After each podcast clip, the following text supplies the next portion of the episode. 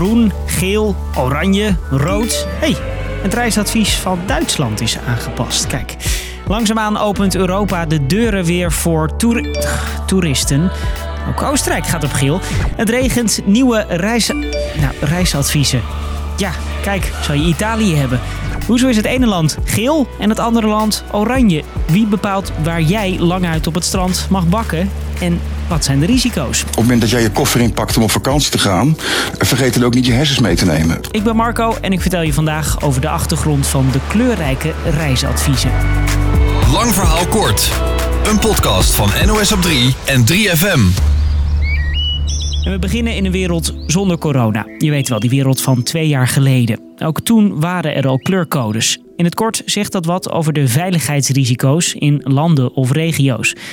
Het ministerie van Buitenlandse Zaken bepaalt dat samen met ambassades en consulaten ter plekke. Ik ben Peter Derkhoff, ambassadeur in Costa Rica. Deze man brieft dan bijvoorbeeld door hoe het er daaraan toe gaat. Wij stellen reisadviezen op. We kennen de situatie in het land. En criteria waar ze dan op letten: geweld, criminaliteit, natuurrampen, zijn er aanslagen, is het er onrustig. Een voorbeeld: het reisadvies voor Ecuador werd twee jaar geleden veranderd. Een tripje naar het land werd ontraden. En dit was de reden. Wekenlang waren er gewelddadige protesten tegen bezuinigingsplannen. Daardoor zaten tientallen Nederlanders vast, zoals Bas en Chantal. Op het moment dat de, de locals met stenen gingen gooien, ging de ME teruggooien met uh, tranengasgranaten. Die ook op het balkon terecht kwamen. Ze dachten, ja, als dat doorslaat, dan kan het inderdaad wel heel gevaarlijk worden, ook voor onszelf. Het ministerie schat dus in hoeveel risico loop je als je op reis gaat. En er zijn vier smaken. Groen, geen risico's. Geel, er zijn risico's en het gaat er anders aan toe dan in Nederland. Oranje, ernstige risico's, maak dan alleen noodzakelijke reizen. En rood, levensbedreigende risico's. Niet reizen is dan het advies.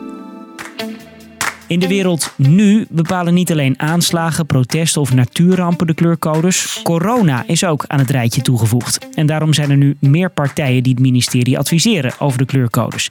Het RIVM bijvoorbeeld. Zij krijgen elke week coronadata binnen en scannen die dan op een paar criteria. Bijvoorbeeld het aantal besmettingen. Als er meer dan 150 per 100.000 mensen positief zijn, gaat het land op oranje.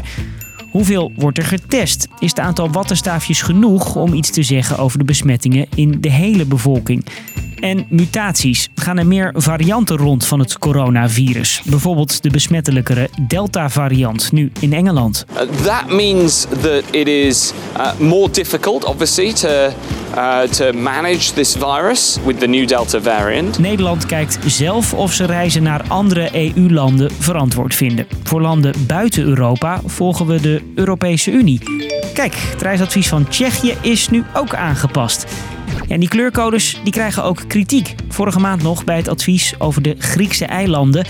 Alle eilanden sprongen op code oranje, vertelt deze hoteleigenaresse. Blijkbaar zijn er uh, Nederlanders teruggekomen vanaf Kreta die daar hebben gefeest en uh, met het coronavirus besmet weer terug zijn gekomen. Ik snap niet zo goed wat de andere eilanden daarmee te maken hebben. Reisorganisaties zouden liever meer maatwerk willen. Zo komen de reisadviezen dus tot stand. En veel landen hopen snel op een code geel. Zoals Spanje, vertelt onze correspondent daar. Spanje zegt dat ze er helemaal klaar voor is. Vanaf begin juni worden hier dan alsnog 40 miljoen toeristen verwacht. Klinkt veel, maar het is nog niet de helft van wat ze hier gewend waren. Dat beeld kan dus veranderen. Oranje kan geel worden en geel kan ook oranje worden.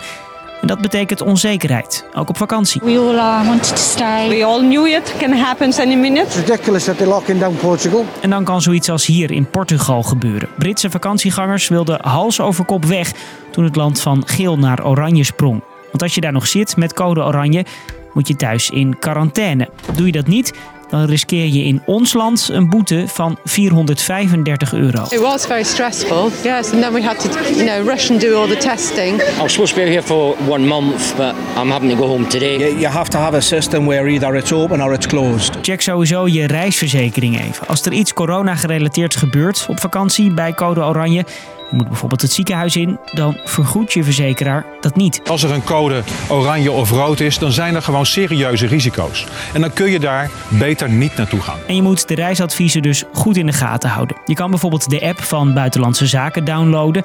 Die sturen je pushberichten bij elk veranderend reisadvies. Kijk, daar is er weer eentje. Uh, we kunnen weer naar Slowakije. En je kunt ook onze speciale site even bekijken. Je vindt de link in de omschrijving van deze aflevering. Daar zie je waar je rekening mee moet houden en of je überhaupt wel welkom bent als Nederlander om op het strand te komen bakken. Dus, lang verhaal kort, de reisadviezen worden gemaakt door het ministerie. Sinds corona worden de hoeveelheid besmettingen en mutaties in een land ook meegenomen. Om te kijken of je daar veilig op reis kan. Volg je de adviezen niet op, blijf je in code oranje op vakantie en ga je vervolgens niet in quarantaine, dan riskeer je een boete en hogere kosten. Op de valreep nog. Luxemburg kleurt ook weer geel. En dat was hem weer. Morgen dan geven we ook weer kleur aan een verhaal uit het nieuws. Rond 5 uur in je podcast-app. Bedankt voor het luisteren en fijne vakantie alvast.